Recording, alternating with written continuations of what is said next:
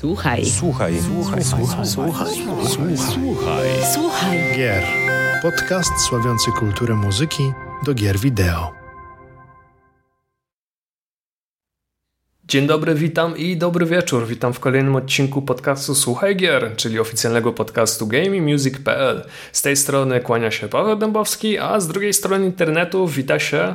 Jak zawsze, Mariusz Borkowski. Cześć. Cześć, witaj. E, dzisiaj temat będzie dosyć duży, dosyć rozległy. Oj, tak. E, bardzo rozległy, dlatego na rozluźnienie, jak zwykle, e, muszę zapytać Ciebie, Mariusz, o to, co u Ciebie słychać. Co ostatnio słuchałem. O, zacznę może od tego, że też chciałbym podziękować naszym wszystkim słuchaczom i też widzom, którzy oglądają nas na YouTubie bądź słuchają na Spotify, Apple Podcast czy na SoundCloudzie. Bardzo Wam mm, serdecznie dziękujemy za to i za to, że podoba Wam się na to, co, o czym mówimy e, z Pawłem, czy też z naszymi gośćmi co, co tydzień. Cieszymy się niezmiernie, że to, co mm, staramy się z Pawłem przygotowywać tutaj, co, co jaki nowy, jakiś tam nowy odcinek, to, sta, to jednak trafiamy w Wasze e, gusta. No i też cały czas pracujemy na tym, żeby te tematy były mm, ciekawe. Też pracujemy jakby na, nad, e, nad, sw nad swoją wymową i to, żebyśmy za bardzo nie popadali w jakąś dygresję. No dobrze, no to była taka mała dygresja. A jeżeli to, jeżeli to co ostatnio słuchałem, e, no to słuchałem głównie teraz e, nowości, choć wróciłem mm, do albumów, o których, o muzyce, z, o której dzisiaj też będziemy rozmawiać, bo jest głównym tematem. Ale o tym za chwilę. Ale, to za chwilę, chwilę, dokładnie, nie, nie, będę, nie będę zdradzać. No to tak, słuchałem Papetury, mm, ścieżkę dźwiękową do polskiej gry, takiej point-clickowej, no i Tomasz Dworzak, Gaka Flox, jak ja się bardzo cieszę, że znowu nagrał, nagrał muzykę. No i co, jeżeli chodzi o samą papaturę, no to nie usłyszymy tutaj e, mówionych dialogów, w związku z tym jakby sama muzyka spełnia tutaj e, ważną rolę narratora, która okrasiła magiczny świat zbudowany w całości z papieru. No i dobrze znany sympatyką muzyki do gier Tomasza Dworzaka, czyli Machinarium, Sam, Samorost, plus jeszcze jego solowe albumy. No tutaj kompozytor jak zawsze jakby taki w sposób minimalistyczny za pomocą dźwięków elektroniki połączonej z ciepłymi dźwiękami instrumentów, między innymi fortepianu, no zbudował taki wielokolorowy pejzaż tytułowego papierowego świata, no, który przyciąga swoim bogactwem już wspomnianego przeze mnie wcześniej e, minimalizmu oraz melodii i tutaj jakby z tego miejsca bardzo serdecznie e, zachęcam do przesłuchania tej muzyki, bo ona jest dosyć krótka, bo to jest tylko 30 minut, ale jak się jej słucha, to, e, to jest, ma się takie odczucie, jakby minęła godzina. Tak więc polecam tutaj. No i e, Resident Evil Village, tak, wioska, a, czyli muzyka autorstwa Shuzaka Uchiyami, ma, Uchiyami, mam nadzieję, że dobrze wymawiam, a Marcina Przybłowicza, ale o tym za chwilę, e, Nao Sato i no i Bra, Briana Di Oliviery. No i tak, e, hmm. Muzyka do tej gry, czyli do Resident Evil Village, e, no kompletnie, w moim oczywiście odczuciu, odcina się od swoich korzeni cyklu gier e, Resident Evil, no i bliżej jej do zachodniej stylistyki, ale sądzę, że to też wynika e, osadzenia fabuły i historii tej, tej gry, bo to gdzieś się dzieje na peryferiach Rumunii czy Mm, tych, e, gdzieś tam powiedzmy mm, w tych rejonach. No i odcina się od tej stylistyki muzycznej i jest tu jakby duży nacisk na dynamiczne szarpnięcia smyczków oraz instrumentów mm, perkusyjnych. No i momentami muzyka stara się e, wywołać taką gęsią skórkę, ale sądzę, że jest to bardziej kakofonia niż sprytne, poukładane puzzle, które miałyby wzbudzić u nas e, poczucie takiego e, dysonansu oraz e, niepokoju. Słuchając soundtracku mam wrażenie o braku spójności z wizją kompozytorów i, i niemniej jednak jasnymi punktami tego albumu są dwa utwory, czyli Village of the Shadow skomponowanego przez Marcina Przybłowicza. Momentami niestety, ale przypomina mi trochę Wiedźmina, ale brzmi utwór zacnie, um, czyli autora muzyki do Dzikiego Gonu. No i piosenka Yearning for the Dark Shadows kompozycji e, Briana de Olivery. Piosenka jakby sama w sobie promowała też e, e, grę i mu muzykę. Na naszym portalu troszeczkę więcej na ten temat, czyli na Game Music możecie trochę więcej poczytać. No a sam soundtrack sądzę, że mimo wszystko jest godny uwagi, niestety zakupu wyłącznie przez fanów fanów, fan, fanów serii. Tak więc ja byłem tutaj trochę zawiedziony tą ścieżką dźwiękową. Uważam, że jednak do siódmej odsłony była o wiele chyba ciekawsza. A Paweł, a ty coś udało, udało ci się coś e, przesłuchać? Tak, udało mi się przesłuchać. E, powiem tak, po naszym ostatnim spotkaniu e, z naszymi gośćmi, kiedy mówiliśmy o japońskich RPG, wróciłem do grania w Personę 5, ponieważ nienawidzę siebie samego i lubię otwierać wiele frontów. Ja wiem, że mam mnóstwo gier, które zacząłem grać i ich nie wiem, kiedy je skończę. I Persona dołączyła do tego zacnego grona, ale nic na to nie poradzę, bo ta gra jest po prostu świetna. Ona jest, jest idealna, muzycznie jest tak. po prostu przegenialna. Ale ty grasz e, w Persona 5 czy Persona 5 Royal teraz? 5. Okay. Grałem w piątkę. Grałem w piątkę jak prawdziwy, e, jak prawdziwy fan persony, hehe. E, ale bądźmy szczerzy, no, po tym jak porozmawialiśmy i, i o JRPG-ach i dużo czasu poświęciliśmy personie, zwłaszcza nasi goście, mm, no to nie mogłem sobie odmówić e, tej przyjemności i nie zagrać tę grę znowu i znowu sobie posłuchać e, tego albumu, tak swoją drogą album roku, który wygrał o włos z e, Nier Automata, no ale o tym mm, może kiedyś w przyszłości będziemy mówić więcej. Tak, albo odsyłamy Natomiast... do naszego poprzedniego podcastu. Tak. Dokładnie. Natomiast dalej jestem w trakcie mm, szukania mm, ukrytych perełek na Bandcampie. Ja się zakochałem w tej e, platformie. Tam jest naprawdę mnóstwo świetnej muzyki i wyczaiłem stamtąd dwa albumy które myślę warto e, posłuchać. Jedna dotyczy gry Unbeatable, e, a album nazywa się Unbeatable Demo Tapes. To jest takie, jakby ci to powiedzieć. Ja chyba wiem. Wyobraź sobie, wyobraź sobie grę OSU, OSU, czyli tą grę rytmiczną, z, e, gdyby tworzyli ją ludzie e, odpowiedzialni za personę. Mniej więcej stylistycznie w taki sposób bym ją określił. E, album krótki, zawiera jakieś 9 utworów. Mam nadzieję, że w przyszłości będzie tego znacznie, znacznie więcej, bo, samo, bo sama gra jest obecnie w early, w early accessie, czyli we wstępnym, we wstępnym dostępie. Ale sam album po prostu mnie mną zachwycił. On się po prostu pojawił nagle przede, przede mną na ekranie i powiedziałem, ok, posłucham sobie świetny J-Rock, e, czy takie raczej rytmy pomiędzy J-Rockiem a garage rockiem e, i z pewną nutą anime. Fantastyczny soundtrack, mnie się naprawdę bardzo podobał.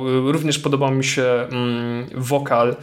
E, jeśli macie okazję, ja naprawdę polecam. Link chyba udostępniłem u siebie na Twitterze, jeśli dobrze pamiętam. E, także możecie. No to tu odsyłamy możecie posłuchać. na Pawła. Możecie posłuchać, dokładnie. I drugi album, który pojawił się tego samego dnia na Bandcampie, e, to jest. Uwaga, to, to, to teraz będzie e, trudna nazwa. SFX Songs od Louis Zonga. I to jest coś dla mnie niespotykanego, albo ja jestem na tyle stary, że nie pamiętam, bo. Mm, człowiek, który odpowiada za ten album, czyli e, e, Louis Zong, wydał album, na którego składają się utwory z gier stworzone tylko, utwory stworzone tylko, tylko i wyłącznie z efektów dźwiękowych z gier.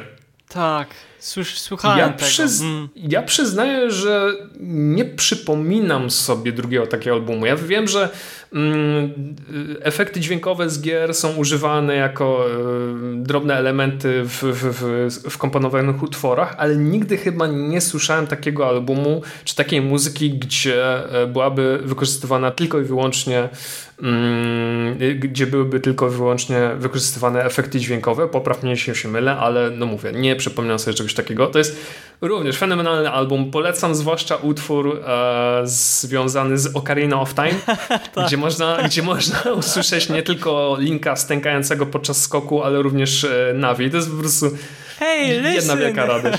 To jest, to jest jedna wielka radość. To jest fantastyczne, tak. co on z tym zrobił. To jest po prostu miazga.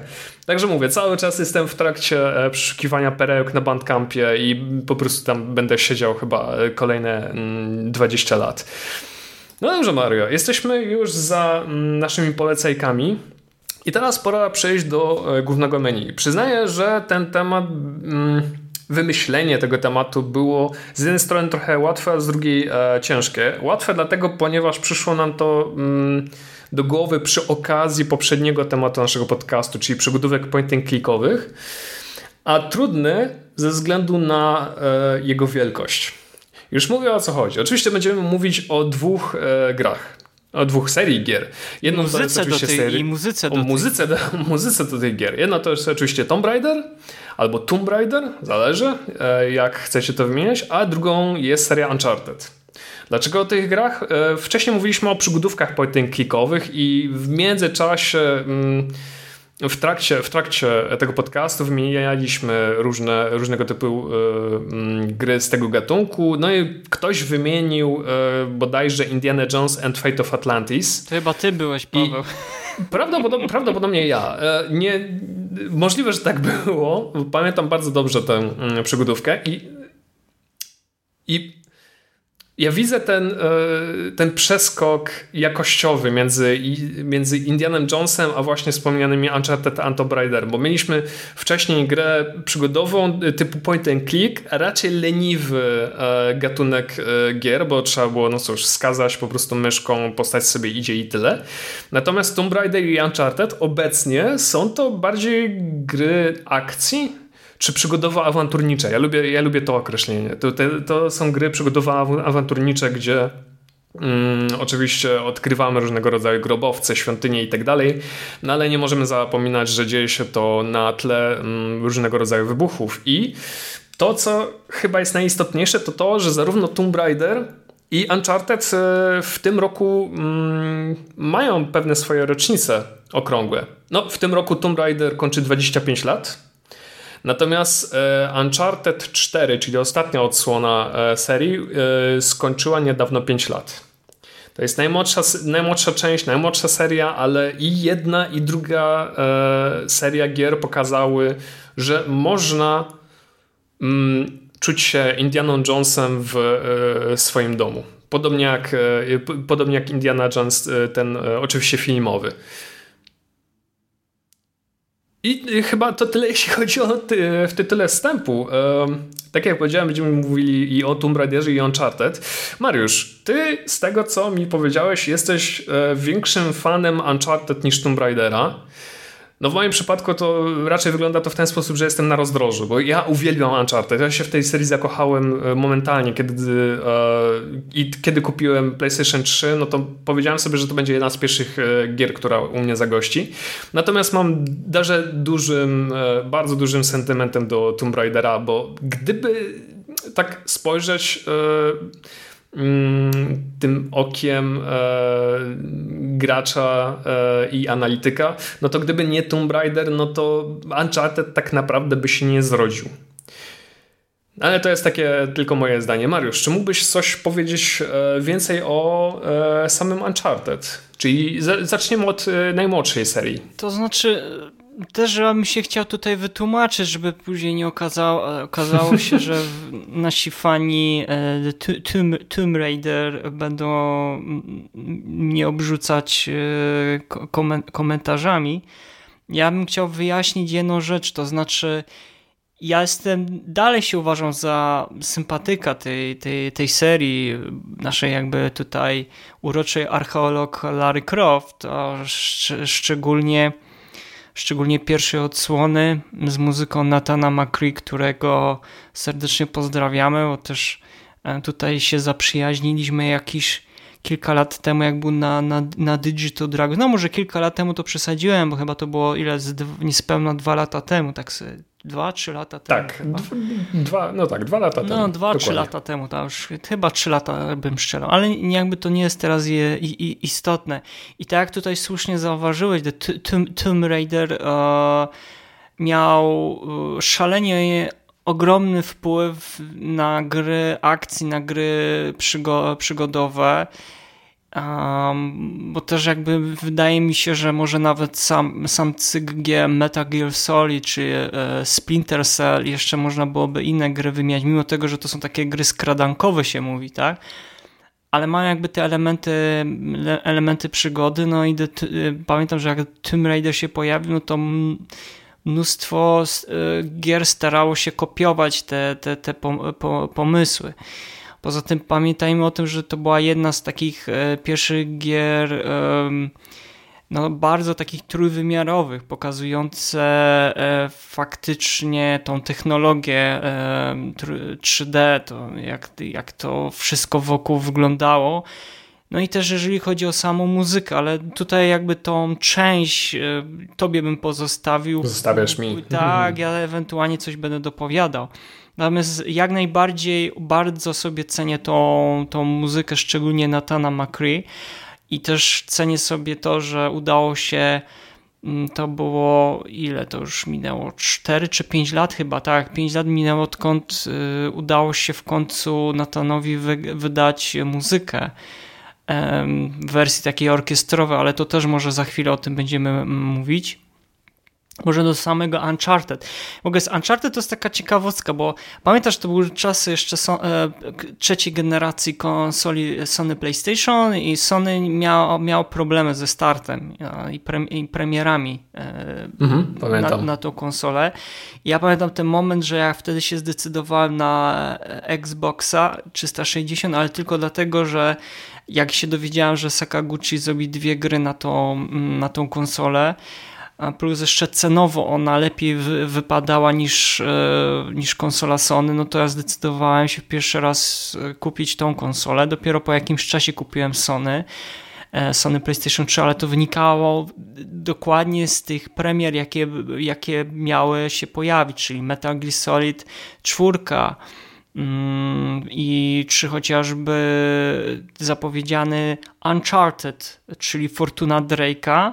To był 2007, 2007 rok i no i kiedy ja usłyszałem o, ty, o tej grze i jak, że ona miała być takim e, kontynuacją tego, co filmy Stevena Spielberga i George'a Lucasa, bo George Lucas chyba też był producentem, jeżeli dobrze pamiętam, jeżeli chodzi o trylogię Indiana Jonesa, to to było właśnie takie nawiązanie do tej plato, platoplasty, czyli to, co Indiana Jones, e, czyli Dr. Jones e, zapoczątkował później już nie, nie wracając do tych gier, które były point klikowe, to ja, ja zawsze uwielbiałem przygodę. Zresztą sama gra, no umówmy, powiedzmy sobie szczerze, no, mimo tego, że ona była no, stosunkowo mocno liniowa w stosunku na przykład do pierwszych trzech odsłon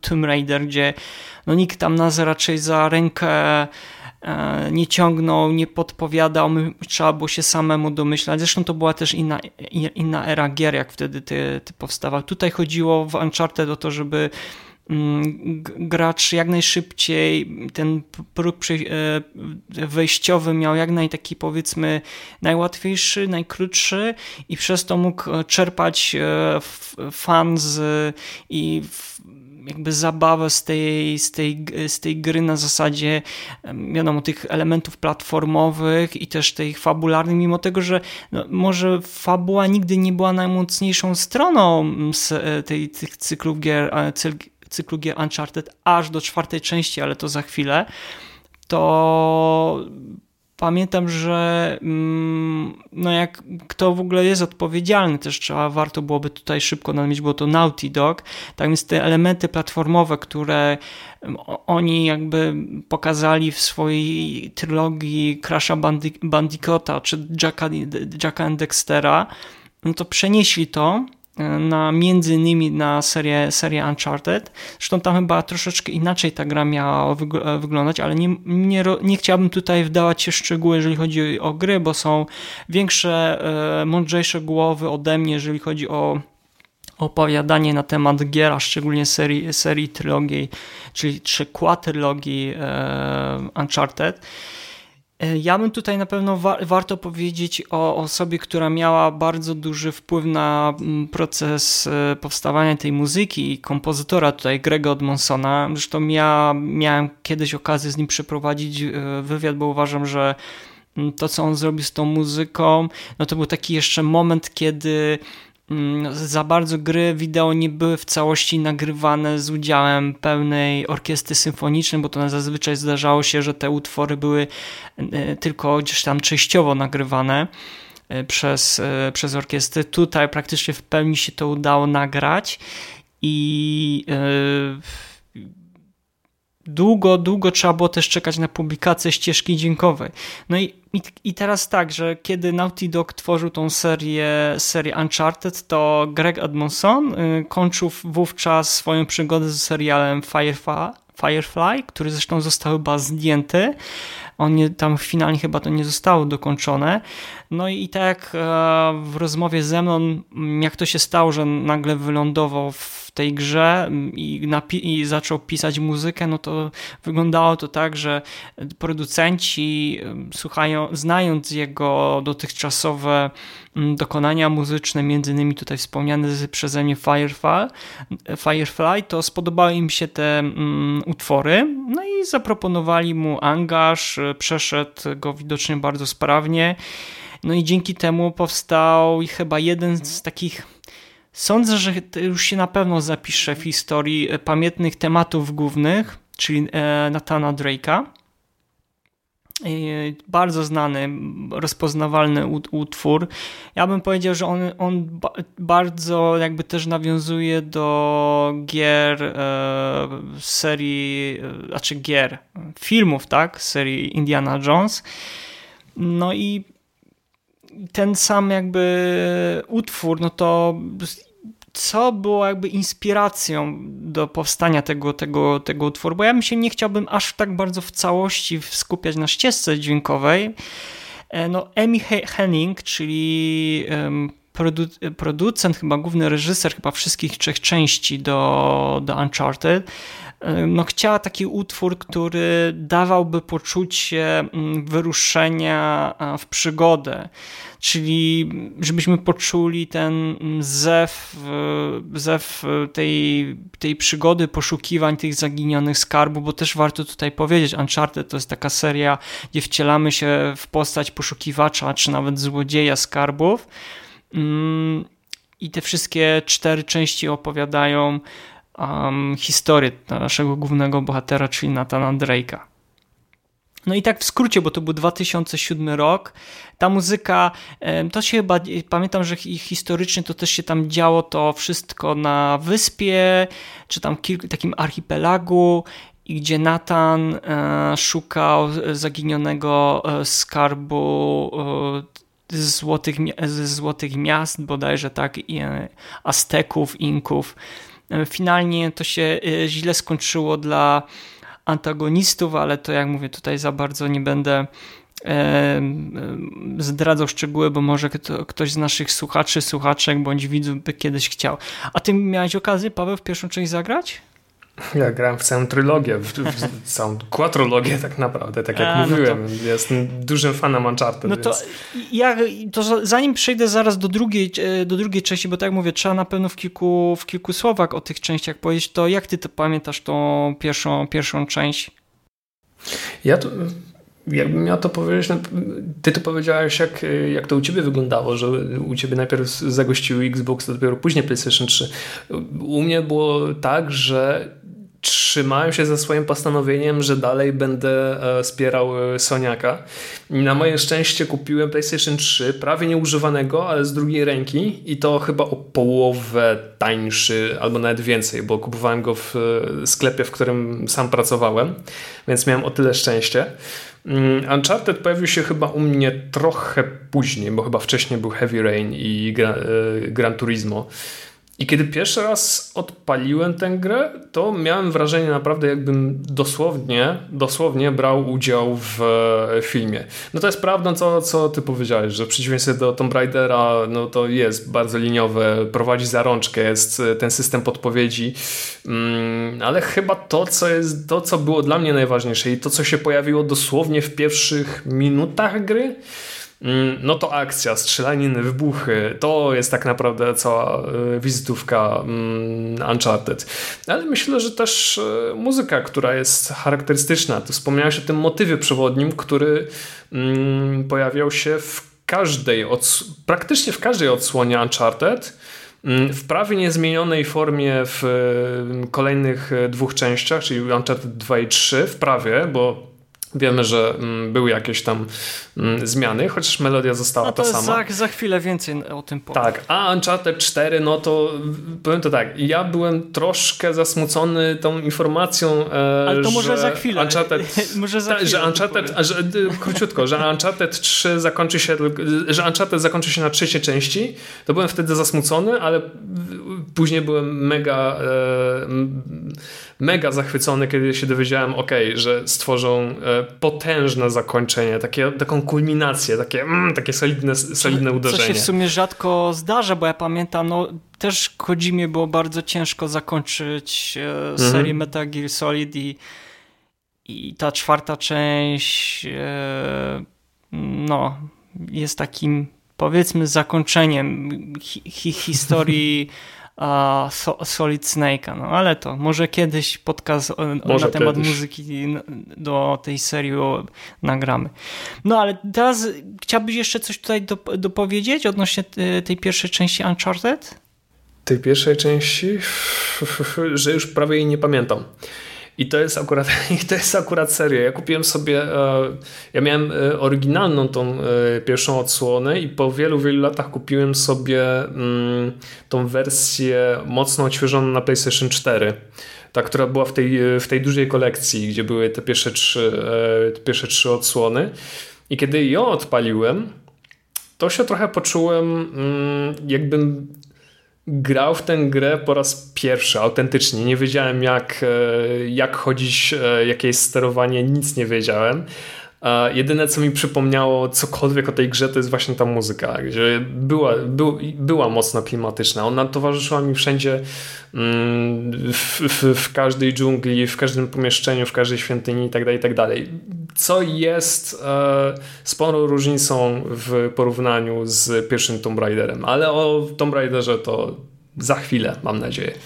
Tak, to trzeba sobie teraz po powiedzieć szczerze, że po tej pierwszej części y, apetyt ogromny y, powstał, czy urósł do ogromnych rozmiarów, jeżeli chodzi o graczy, bo oni domagali się, a czy domagali, po prostu chcieli zobaczyć kolejną odsłonę. No i. Znaczy, generalnie to był system seller i był duży tak, nacisk, żeby Oj, powstała ogromny. kolejna część. Sądzę, że koło God of War to była bardzo wtedy na, na konsolę Sony była druga popularna seria wtedy.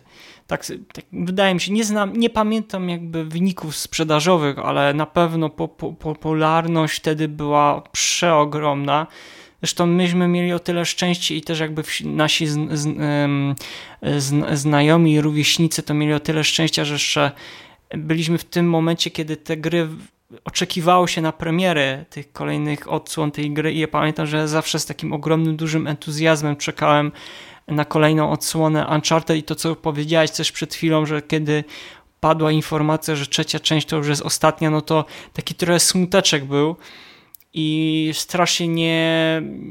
Znaczy, z jednej strony też rozumiem, że czasami gdzieś trzeba postawić tą kropkę i Mm, skupić się na nowych IP, bo tak zresztą nie, jasne, The Last of Us tylko... E, wyrosło później. Jasne, tylko że wiesz, Uncharted nie miało takiego zakończenia. Po prostu była trzecia część i tyle. I było duży nacisk tym razem ze strony graczy samych. Myślę, że Sony miało tam niewiele cokolwiek e, do gadania. Był bardzo duży nacisk do tego, żeby graczom dać coś takiego, taki solidne zakończenie, taki epilog No, ale to... Na tym to polegało. To, to sobie powiemy na, jakby w podsumowaniu całej serii, bo, bo teraz, wiesz, prze, chciałbym szybko przejść do tej drugiej części, Jasne. czyli Uncharted, Uncharted Pośród Złodziei, 13 października 2009 rok, czyli dwa lata po pierwszej odsłonie doczekaliśmy się drugiej części, która jest uważana nie tylko wśród graczy, fanów e, tego cyklu gier, ale też samych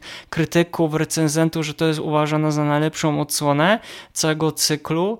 No, pokazała e, ko kompletnie o 180 stopni, została wywró wywrócona Mm, gra pod kątem graficznym, gameplayowym, muzy muzycznym. E, sądzę, że obok całej, całej koła trylogii, no to druga i czwarta część, ale to też za chwilę powiem, to są dwie, dwie moje ulubione odsłony, jeżeli chodzi o muzykę. No ale to, to co tutaj Greg Edmondson zrobił, no też miał też miał powód do tego, żeby trochę poszaleć z muzyką. No, dla, dlaczego? No bo cała, muzy- cała jakby gra i fabuła jest, dzieje się w rejonach e, Tybetu, czyli dalekiej, też dalekiej Azji i tam mógł sobie pozwolić na, na troszeczkę rozpiętość w, w przypadku użytego instrumentarium, chociażby użył, e, użył tutaj chińskiego instrumentu o nazwie erhu. Jest to e, smyczkowy chiński instrument. E, datuje się, że on powstał gdzieś tak w VII wieku, no i posiada jakby dwie, dwie, dwie struny. No i tak, jak ktoś, jeżeli ktoś z Was nie, nie słyszał kiedykolwiek tego instrumentu, albo nie słyszeliście muzyki z Uncharted, to jakby zachęcam do wpisania na YouTubie e, instrument o nazwie Erhu. No i barwa tego dźwięku mówi się czy tam muzykolodzy wypowiadają się, że no to jest zbliżona do ludzkiego głosu, um, ta, tam zaś cała skala instrumentów wynosi gdzieś w około 3 oktawach. No i to jest jakby taka, powiedzmy sobie szczerze, taka bardzo prosta odmiana e, e, skrzypiec. Mm, no i tutaj bardzo też znana persona, jeżeli chodzi ze świata muzyki, zagrała na tym instrumencie Karen e, Han. Ja niestety nie znam tej, tej, tej osoby tutaj. Sądzę, że jeżeli ktoś bardzo mocno siedzi w muzyce, to prawdopodobnie zna tą osobowość. No i tak jak powiedziałem, cała, cała gra i te, cała jakby muzyka została osadzona w klimatach tego Dalekiego Wschodu, i te, tych elementów tybetańskich, czyli e, słychać te gardłowe odgłosy. Mm, tam są jeszcze, nie jestem w stanie teraz z głowy wymienić te instrumenty, mm, coś na wzór e, e, nie trąbek, tylko takich kurczę, jak się nazywa teraz ten instrument. W każdym razie, mm, muzyka y, bez porównania to jest taki wysoki poziom mm, sobie postawił i też postawił poprzeczkę Greg Odmonson tą ścieżką dźwiękową, że no ciężko było, bo nie, no nie byliśmy sobie w stanie, ja sobie osobiście nie byłem w stanie wyobrazić, że można jeszcze lepszą ścieżkę dźwiękową zrobić od tej. Tak więc druga część, bar, drugą część, ja na przykład bardzo drugą część nie tylko ciepło wspominam ze względu na fabułę, na tą, na tą przygodę, więcej postaci się wtedy pojawiło a, i też jakby pod kątem muzy e, mu muzyki. E, I ja się też jakby nie dziwię, że graczom i krytykom ta odsłona najbardziej podeszła. A jak to, a jak ty wspominasz tą drugą część? Ja to wspominam bardziej od, e, od tej strony, że to chyba pierwsza część, o której mogę naprawdę powiedzieć, że został potraktowany jako gra AAA-owa. Że to, co ty powiedziałeś, ile instrumentów, ile zasobów ludzkich e, brał udział przy powstawaniu dźwięku, i jeszcze jedna ważna rzecz e, warta, e, e, warta powiedzenia. To jest pierwszy Uncharted, który został e, spolszczony i ma e, polską wersję językową. Tak, tak, było coś takiego. Mhm. Nat, tak, Natana Drake'a, Natana Drake'a zagrał e, Jarosław Boberek. To już wtedy można było zobaczyć, że i Sony i, i Naughty Dog traktuje tę e, część, ten, w ogóle całą tę serię naprawdę poważnie. Tak, ale to, Więc to były czasy... Już No, no, ja za chwilę już, wte, już, wtedy, już, wtedy mógł, już wtedy poczułem, że gdyby mieli stworzyć e, trzecią część, no to nie będą e, nie będzie żadnych hamulców, nie będą żałować żadnych środków, tylko będą po prostu przejść dalej. Tak, jeśli, jeśli e, na przykład pierwsza część otrzymała e, ocenę 9 mm, na 10, e, druga część dostała na przykład 9,5, no to będą dążyć do tego, że trzecia część dostanie solidną dychę nie będą się zaglądać e, za siebie. Tylko po prostu będą przejść, przejść do góry tak najbardziej jak tylko się da. Tak, no i tutaj też powstał taki pewien problem, bo pamiętasz jak było z e, The Tomb Raider, był ten problem, że gra pierwsza odniosła tak duży sukces, później druga część jeszcze chyba większy zdobyła. Tak. Mhm. I no i ten jakby czas produkcji coraz bardziej się skracał, bo tam chyba znaczy, to, co to, roku to, wygląda tak, to wyglądało w ten sposób, że Eidos strasznie naciskał core design, żeby gra, kolejna gra powstawała co roku bardzo głupi błąd, no ale co zrobić? I rzeczywiście, to jest to, co powiedziałeś, że pierwsza część chyba rozeszła się w 7 bodaj milionach, czy tam 7,5. Druga część to było 8 milionów i chyba wydaje mi się, że to była e, najwyżej sprzedawana gra w serii, tak mi się przynajmniej wydaje. Trzecia część e, to już było 7 milionów i to już był taki sygnał, że mm, okej, okay, trzeba chyba przystopować.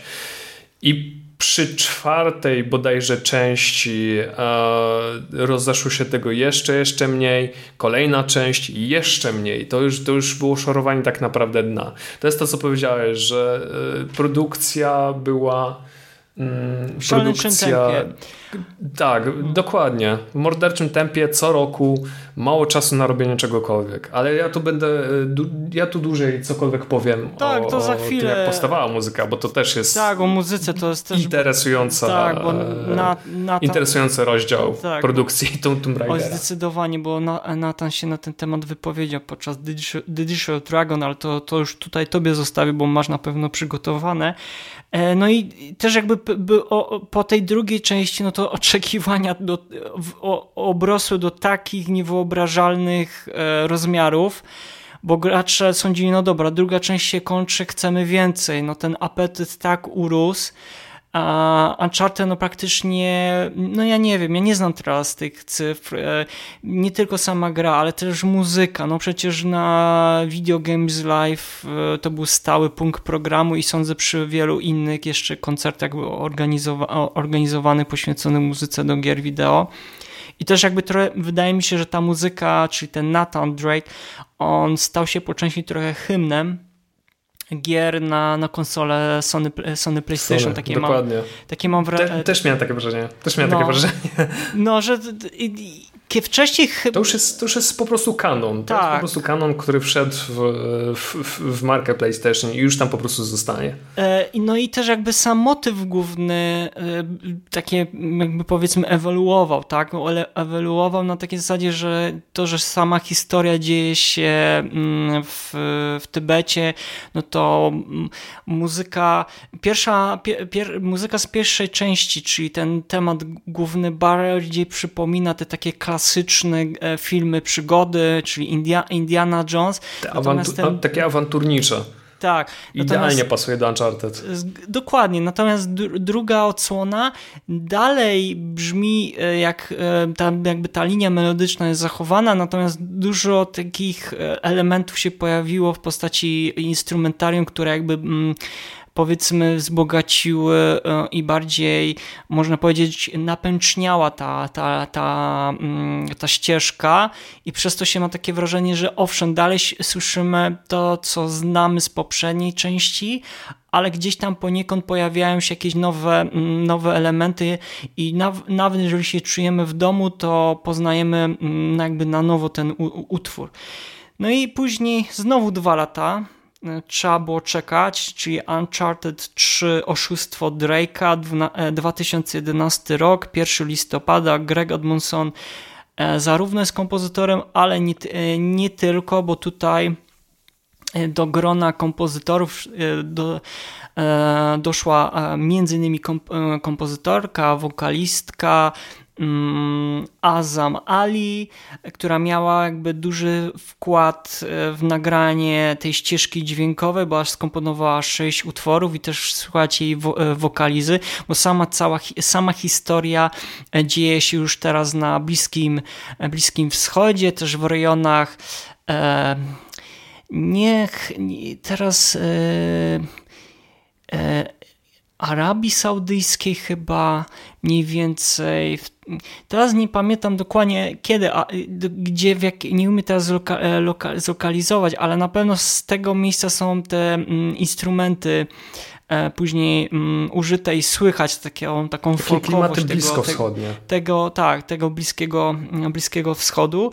No i co, i co najważniejsze, mm, Greg dostał ogromny mm, ogromną walizę pieniędzy, która mu pozwoliła e, nagrać muzykę w e, Skywalker Sound e, w studiu George'a Lucasa w, San Francisco, ale to, to było w przypadku tej drugiej części, żebym ja nie pomylił, natomiast w przypadku trzeciej części teraz, o której rozmawiamy obecnie, to były nagrania już w Abbey Road. No i to był pierwsza, jedna z nielicznych e, produkcji, która e, no, dostała taki budżet, co pozwoliło to już nagrać w Londynie w Abbey Road. Sądzę, że to był taki pierwszy e, zwiastun tego, że za, zaczęto później praktycznie co roku jakieś duże produkcje, bo, bądź średnie, które miały wystarczający budżet, to nagrywały mm, w Abbey Road ze względu na to, żeby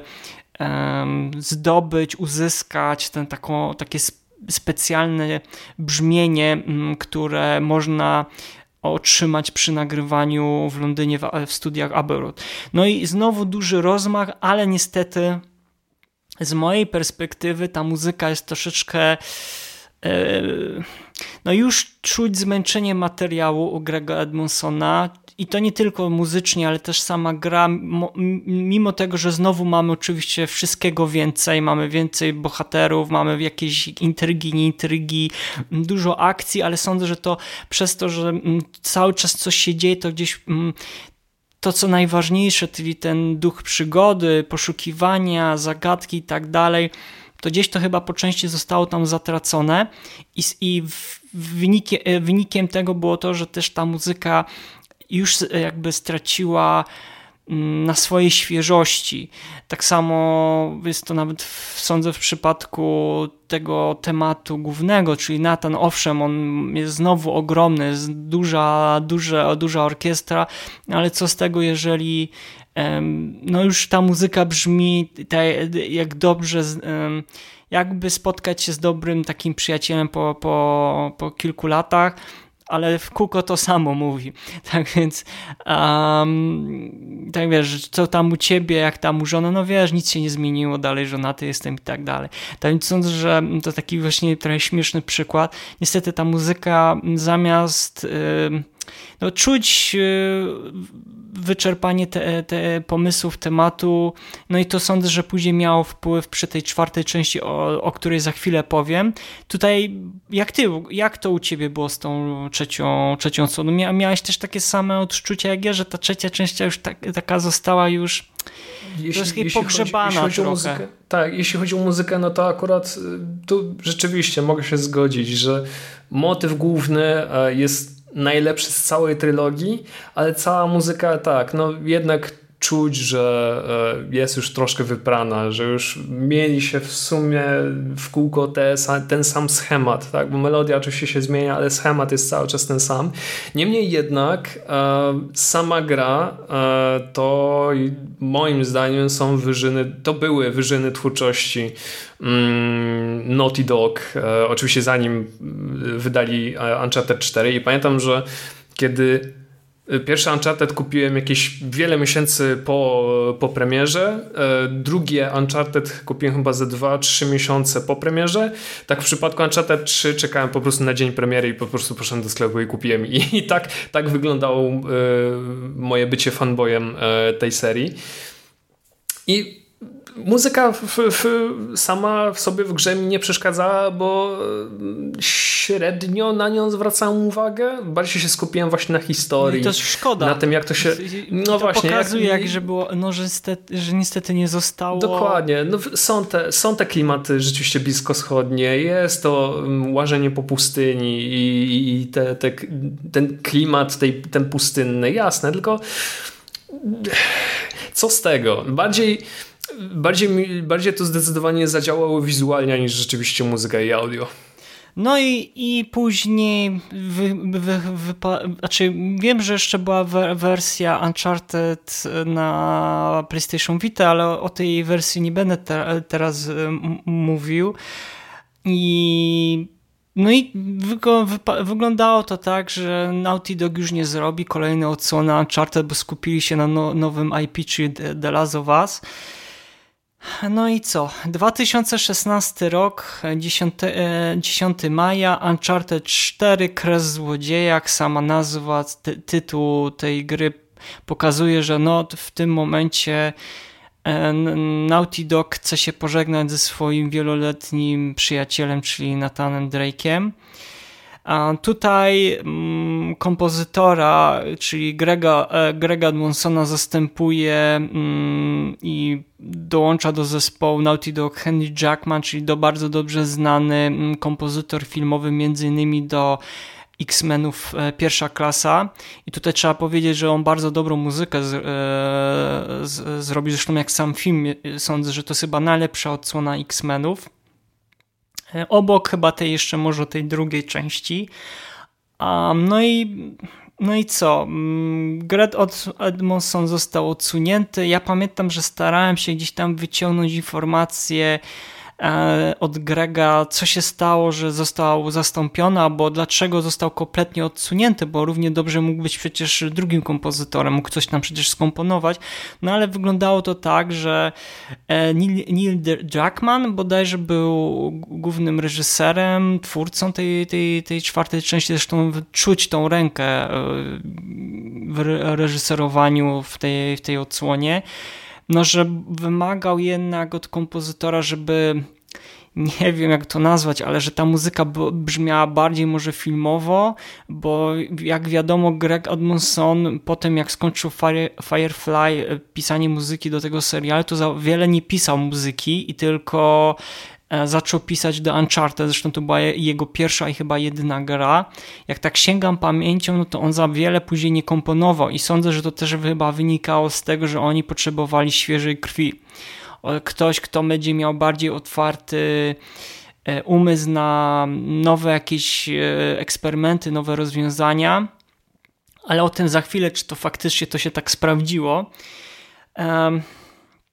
No i musiał się jakby zmierzyć, tak, z tą legendą i z sympatykami samej muzyki do poprzednich odsłon gry, no bo Greg Edmondson co zrobił z tą muzyką, to wiemy, mm, zyskał sobie ogromną, ale to ogromną rzeszę, rzeszę fanów. Muzyka pojawiła się na płytach CD, później na płytach e, e, winylowych mm, z serii Uncharted do tych pierwszych trzech odsłon. No i jeżeli chodzi o mnie, no to osobiście mi się na przykład podoba, e, co, jak Jackman wplótł chociażby w temat główny, tak, czyli cały utwór, wplótł tak naprawdę dwa tematy. Pierwszy ten temat, no to to jest dotychczasowe, mm, ta, ta linia, czy ten klimat, który słyszeliśmy w poprzednich odsłonach Uncharted, zaś ta druga, mm, czyli taka druga melodia jest rozpoznawalna później dla pirata Henry'ego Everego. No i dla mnie to jest, no niestety, dla mnie czwarta część jest najlepszą odsłoną, dlatego już tłumaczę, bo jest o piratach. Ja po prostu kocham piratów. Ja tam od dziecka ja miałem bzika na punkcie statków, piratów, e, wszystko co jak się pojawia o piratach, to staram się też książki czytać, więc jak ja się dowiedziałem, że czwarta część, ja nawet wiedząc, że nie zagram w to, ja już wiedziałem od razu, że to będzie najlepsza dla mnie odsłona. No niestety, niestety może tutaj nieobiektywny jestem w tej kwestii, ale czwarta część dla mnie osobiście była najlepszą odsłoną ale, ale nie pod kątem na pewno e, mu, muzyki. Faktycznie Jackman kilka bardzo ciekawych rozwiązań zrobił. Bardzo mi się podobało właśnie, co mm, jest tam taki minimalizm, to znaczy, bo jak pamiętasz w tych poprzednich trzech odsłonach Uncharted, to zawsze byliśmy atakowani zewsząd taką bardzo dynamiczną e, tą, e, tą muzyką. Tam w grze bardzo, w tych trzech częściach bardzo mało grano ciszą. I i przez to byłeś przeładowywany tym, tą muzyką, tymi dźwiękami, gdzie w pewnym momencie się już miało takie wrażenie, no, że jest trochę za dużo tej muzyki i to się wszystko ze sobą zlewa.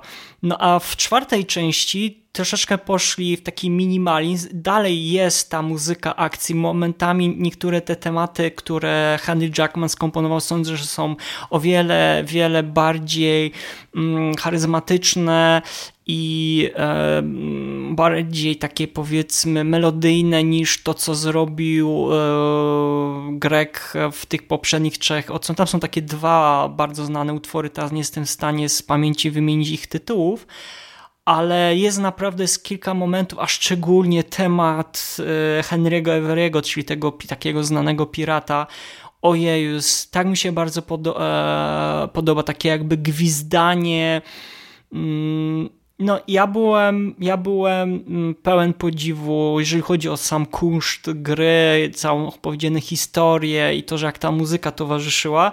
No i też ostatecznie rozumiem wybór producentów co do zmiany kompozytora, no bo to była świadoma decyzja, tak? Tak jak już powiedziałem, gdyż twórcom przecież chodziło o to, e, by ta mm, muzyka potrafiła uchwycić ducha przygody za pomocą e, dźwięków, ale, ale niestety gdzieś tym wszystkim e, zabrakło jeszcze oryginalności, a tak dostaliśmy względnie naprawdę dobry action e, score.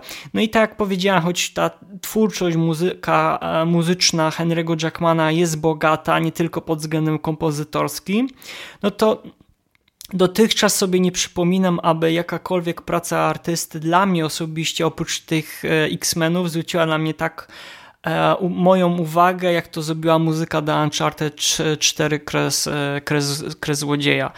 A pamiętasz, Paweł, jak to było stąd u ciebie z czwartą? Jakie, jakie ty masz odczucia?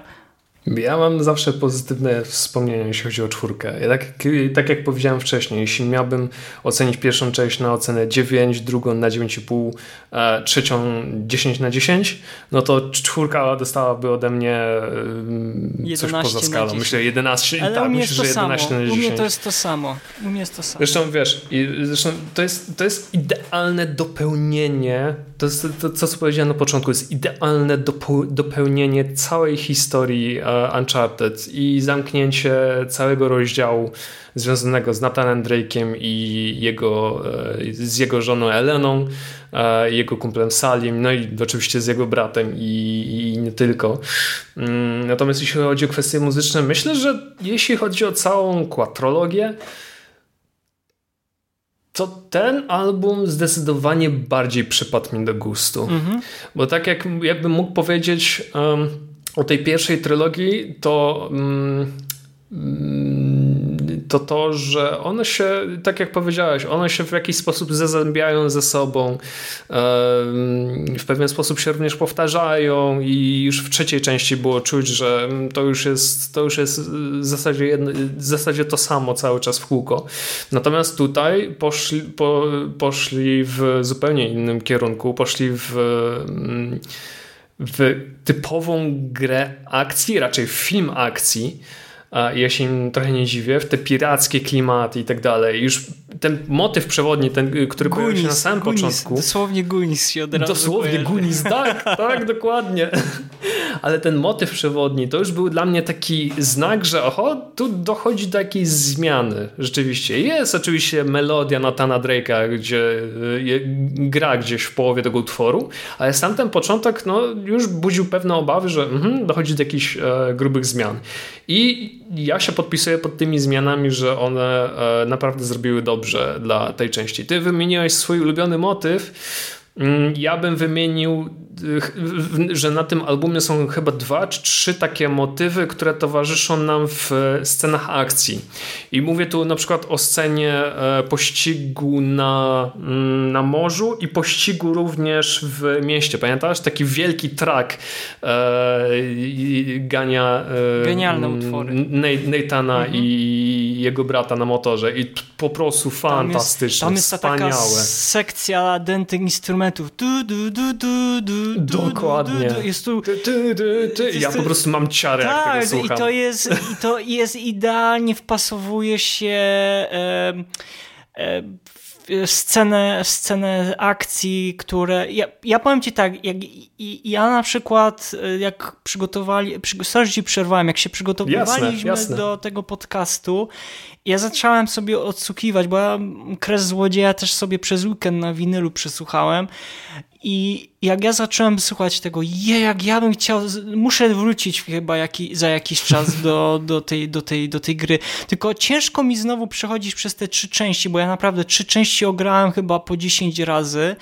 Mhm. I no, pierwsza część jest, no niestety trochę się zestarzała mimo tego, e, tych takich. Hmm, no nie wiem, czy to są archaizmy, ale ciężko się gra ze względu na te szczelanie tam. Tam jest te szczelanie to, tam jest to, jest chyba, to jest chyba to, co mnie troszkę odrzuciło właśnie od tej no. wersji e, z, zmienionej na PS4. No może kiedyś do tej części, do tych części wrócę. Ale jeśli chodzi o czwórkę, jak słuchałem tego motywu, o którym właśnie wspomniałem, tego, e, tego pościgu, autentycznie czułem się, jakbym brał udział w filmie. Ja po prostu słuchałem tego motywu i sobie wyobrażałem, wow, jakby ta scena wyglądała inaczej ze mną w roli głównej.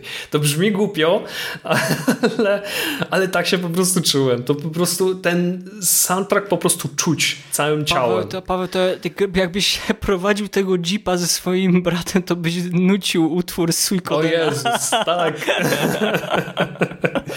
Bądźmy szczerzy. No tak, krótko w podsumowaniu. E, Uncharted 4 u mnie znajduje się bardzo wysoko, jeśli chodzi o moje ulubione gry, o mój ulubiony soundtrack i często wracam do tego albumu, mimo wszystko. To jest świetne zwieńczenie historii. Może kiedyś mm, Naughty Dog wróci do tej serii, ale na razie niech, wiesz, ekipa odpocznie, bo czytałem w książce Jasona Schreiera Krew, e, Krew i Piksele jak e, wyglądały prace nad czwartą częścią, że ile tam zmian nie podochodziło, ile osób stamtąd nie odchodziło, jak bardzo próbowano połączyć, pożenić ze sobą e, tworzenie Uncharted 4 z tworzeniem e, The Last of Us. To był po prostu masakra. Tak, bo oni chyba równocześnie tworzyli. Równo, tak, no. tak, tak, tak, równocześnie tworzono i wiesz, próbowano z jednego zespołu przerzucić do drugiego e, i Neil Duckman w ogóle chciał w ogóle odciąć się od Uncharted. On chciał w ogóle stworzyć coś zupełnie innego, ale e,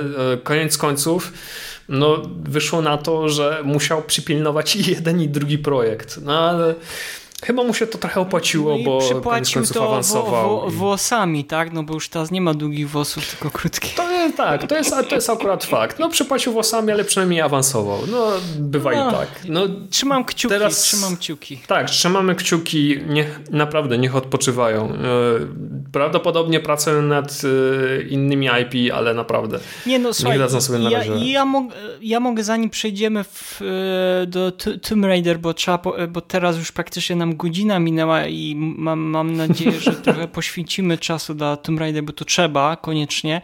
Trzeba. Ale ja na przykład bym widział kolejne części serii Uncharted, ale bez udziału Natana Drake'a, bo wiesz dlaczego? Mm -hmm. Bo mhm. to dobrze pokazało ten cały poboczna część e, Uncharted z Chloe i tak?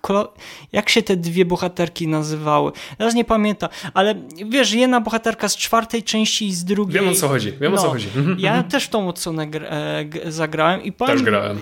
Sądzę, że dobry, dobry tytuł.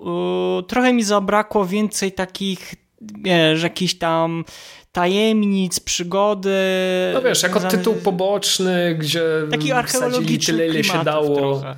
Dokładnie. Mi brakowało. Zresztą jak kiedyś, kiedyś myślałem o zawodzie, to chciałem archeologiem zostać. Tak, wiesz, ja też? No, ale to chyba każde dziecko chyba w wieku 5-6 lat chciało zostać archeologiem, tak, ale oglądał, później... oglądał Indiana Jonesa między innymi, i chciał po prostu być. Tak, ale jak człowiek się dowiedział, jaka jest to fi finalnie praca, że albo lądujesz w bibliotece, albo albo na wykop, wykopaliskach. Nie no, i też nie jest dobrze płatna, no to No ale słuchaj, dobra, może przejdźmy do, do Tomb Raider, bo, bo to jest tak, tak, wiesz, tak. Bo to jest bardzo ważny element e, związany z e, muzyką akcji, muzyką przygody tego typu, te, tego typu grach. Tak więc tak, Paweł, spróbujemy, Paweł, sprób... zostawiam, zostawiam ciebie i tutaj będę od czasu do czasu się tobie wcinał. No, dajesz. Tak, spróbujemy przejść przez całą serię. No, w przypadku Uncharted to było akurat najłatwiejsze, bo mamy do czynienia z czterema głównymi częściami, plus jeszcze mm, wersja na PS Vita, ale o niej mm, na tę chwilę nic nie będziemy mówić, natomiast w przypadku e, Tomb, Tomb Raidera albo Tomb Raidera, no to już mamy do czynienia z całą naprawdę potężną serią. Ale o wszystkich e, może dzisiaj nie będziemy, może porozmawiajmy o, o mój tej Boże. E, oryginalnej tr trylogii i może o ostatniej wiem, trylogii wiem, nie, nie, nie, nie, nie, nie, nie, nie, nie, nie, nie, nie, wiem, nie, nie, nie, nie, nie, nie, wiem, wiem ok, do której części skończę. Myślę, że najbardziej uczciwie byłoby powiedzieć o tych odsłonach, przy których siedziało e, core design. Okej, okay, czyli dopiero, chcesz na starej trylogii tylko. Okay. jakiej starej, jak trylogii? Dud, oni stworzyli naprawdę więcej no, części. Wiem, nie no denerwuj mnie. Laser nie wkurzenie. Tak, było jeszcze e, Angel, Angel, of Darkness. Angel of Darkness był ostatni, ale o niej naprawdę muszę i chcę i powinienem powiedzieć. Dobrze. No Naprawdę, w sumie dobra jest... muzyka, bardzo dobra muzyka tam była. Ty. Dlaczego spoilujesz? Dlaczego mi to robisz? Dobra, Ale mówmy. nie tylko. To jest, okay. to jest e, część, która zaważyła na tym, e, że no cóż, w pewnym sensie m, mm, trzeba było z core design w końcu zrezygnować i przenieść się do Crystal Dynamics, ale o Crystal Dynamics i ekipie mamy nadzieję w kolejnej odsłonie podcastu. Mario, przypilnuj mnie. Tak, jeżeli wam się no spodoba dzisiejszy podcast, dajcie nam znać w komentarzach, to z Znowu przygotujemy. Może zrobimy osobny podcast ogólnie o serii Tomb Raider i zaprosimy um, kogoś, kto jest tutaj w tej dziedzinie też specjalistą. Tak więc dawajcie mm -hmm. w komentarzach znać, czy podobał wam się ten podcast podcast. No dobrze. Mamy końcówkę mm, października 1996 roku. Mm, ekipa Score Design, wspomagana przez wydawcę Eidos Interactive, wydaje grę Tomb Raider albo Tomb Raider, zależy kto jak to czyta. Mm, czyli chyba pierwszą taką grę, chyba tu już zostało powiedziane, pierwszą przygodową grę akcji, e, w której e, bohaterką jest e, Lara Croft Wcześniej miała się nazywać bodajże Lara Cruz albo coś w tym rodzaju. I to jest chyba pierwsze, jedna z pierwszych takich gier, gdzie bohaterka, główna bohaterka nie jest damą w opałach. Nie, nie, nie, to jest coś zupełnie innego. Tu mamy do czynienia z piękną, e, silną, uzdolnioną, e, wysportowaną Niezależną kobietą. kobietą. Niezależną kobietą, to jest akurat ważne. Mm, no i co? I tak jak e, powiedziano zostało wcześniej, Eidos dało rok na e, stworzenie zarówno tej części, jak i kolejnych i to okazało się gwoździem do, pierwszym gwoździem do, do trumny, ale o tym za chwilę. Muzykę do gry stworzył e, nasz przyjaciel Nathan McCree, czyli wewnętrzny kompozytor core design i jakby to powiedzieć, on nie miał łatwo. Zresztą cały zespół nie miał łatwo, jeśli chodzi o tworzenie tej gry, bo tak jak powiedziałem, mieli bardzo mało czasu na e, stworzenie mm, całej gry. Nathan miał naprawdę bardzo i chyba jeszcze mniej na stworzenie całej muzyki. Mm, nie mieli w zasadzie ani miejsca, ani budżetu, żeby e, stworzyć muzykę w wykonaniu orkiestry na żywo, nawet nie wiem, w minimalnej ilości. Nie było czasu Nathan nawet wszystko, na to czasu nawet. Nathan wszystko robił na syntezatorach. Wszystko.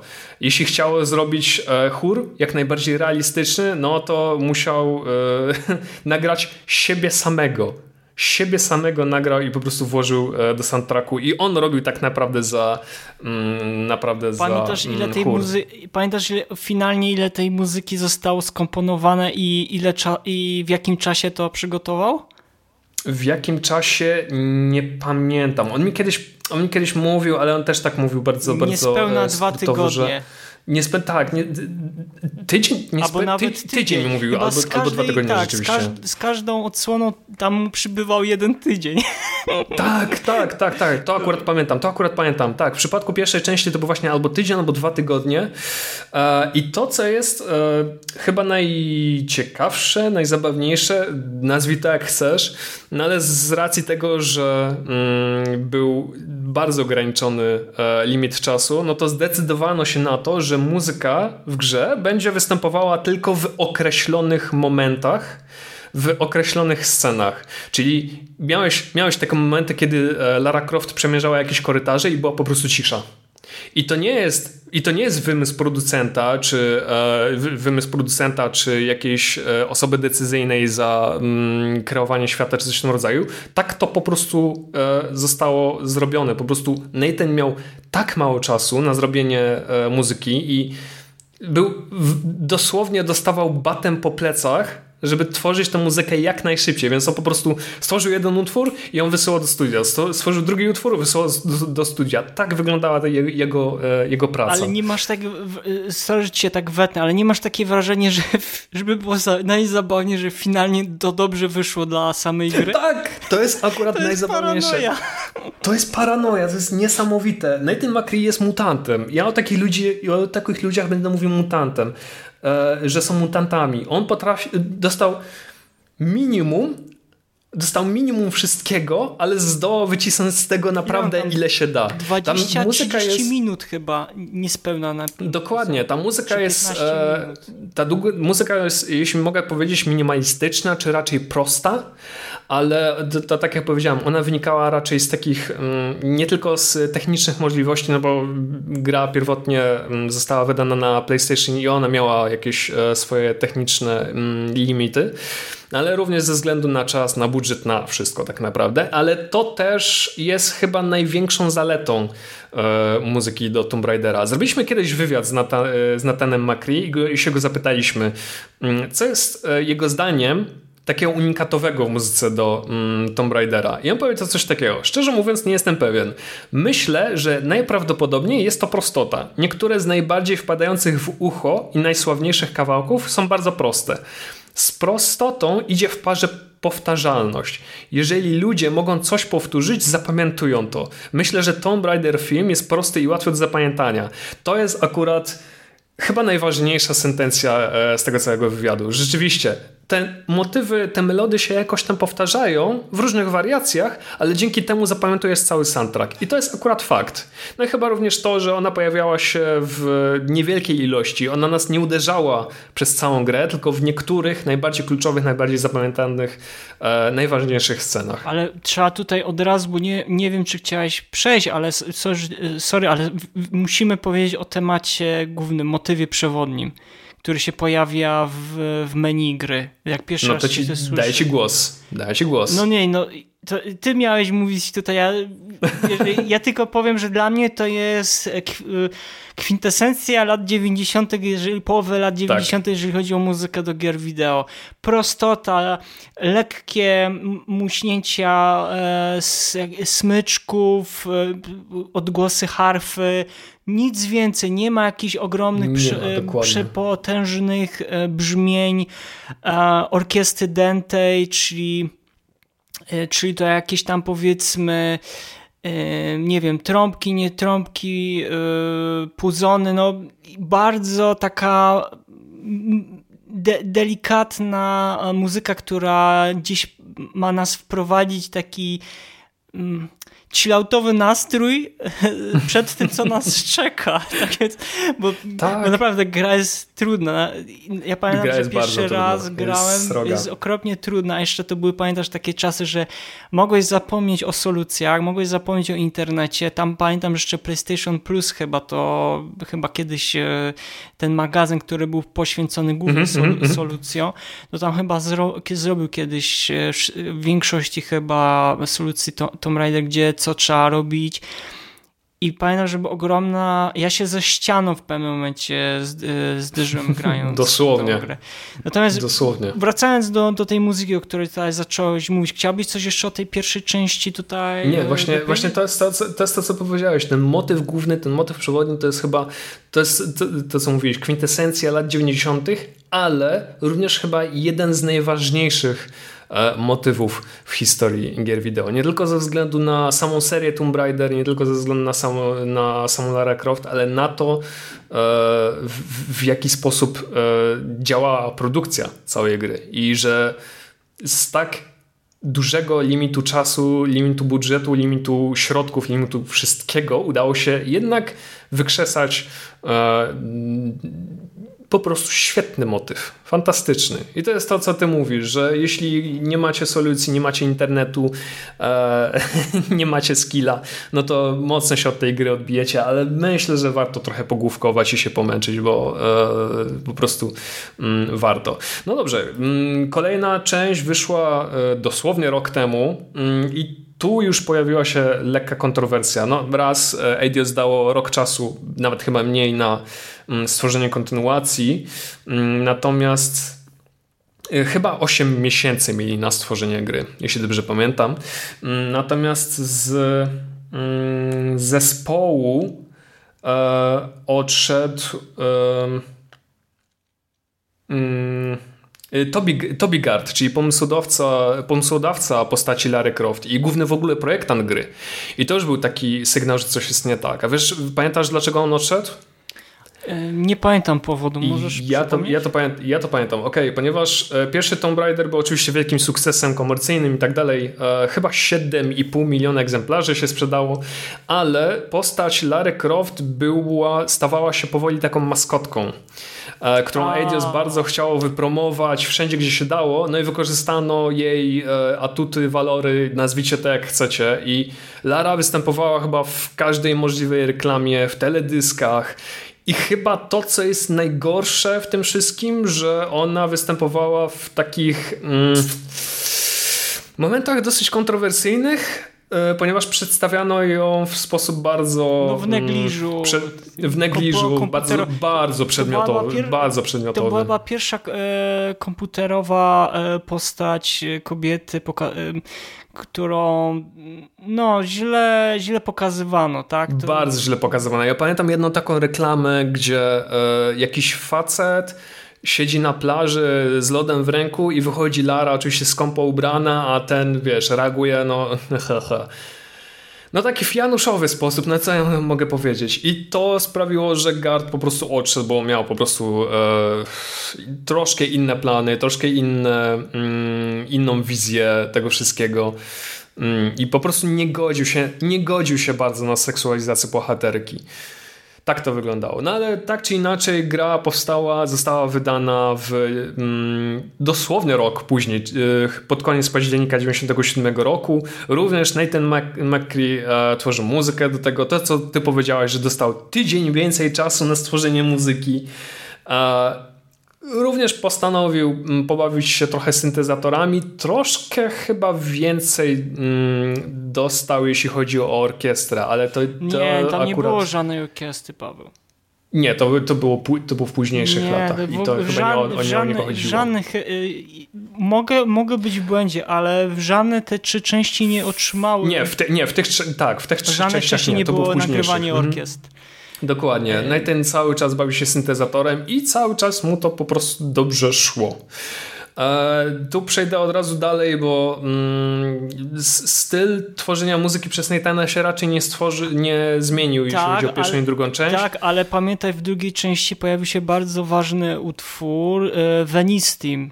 Mm, mm ta, ta jak pierwsza część, wiesz, pierwsza część jak miała najważniejsze utwory to był temat główny T-Rex, czyli mhm. spotkania mhm. dinoza czyli spotkanie dinozaura. Z, z dinozaurem, w ogóle to, to, było... Tak, to jak na przykład cię wielki głaz gonił, to też e, był taki bardzo wtedy szybki, dynamiczny utwór, ale dwójka mhm. sądzę, że najbardziej chyba z Venicji została, z Wenecji została najbardziej zapamiętana prze, przez graczy, zresztą to się później E, przejawia na tej e, ścieżce, znaczy ście, albumie, który został nagra, nagrany, nagrany w Abbey, w Abbey Road no i też powiedzmy sobie szczerze, druga część, mimo tego, że miała taki bardzo krótki czas, studio miało bardzo krótki czas na zrobienie kontynuacji, no bo wymagań, wymagania graczy i też wydawców Wydawcy. były ogromne, mhm.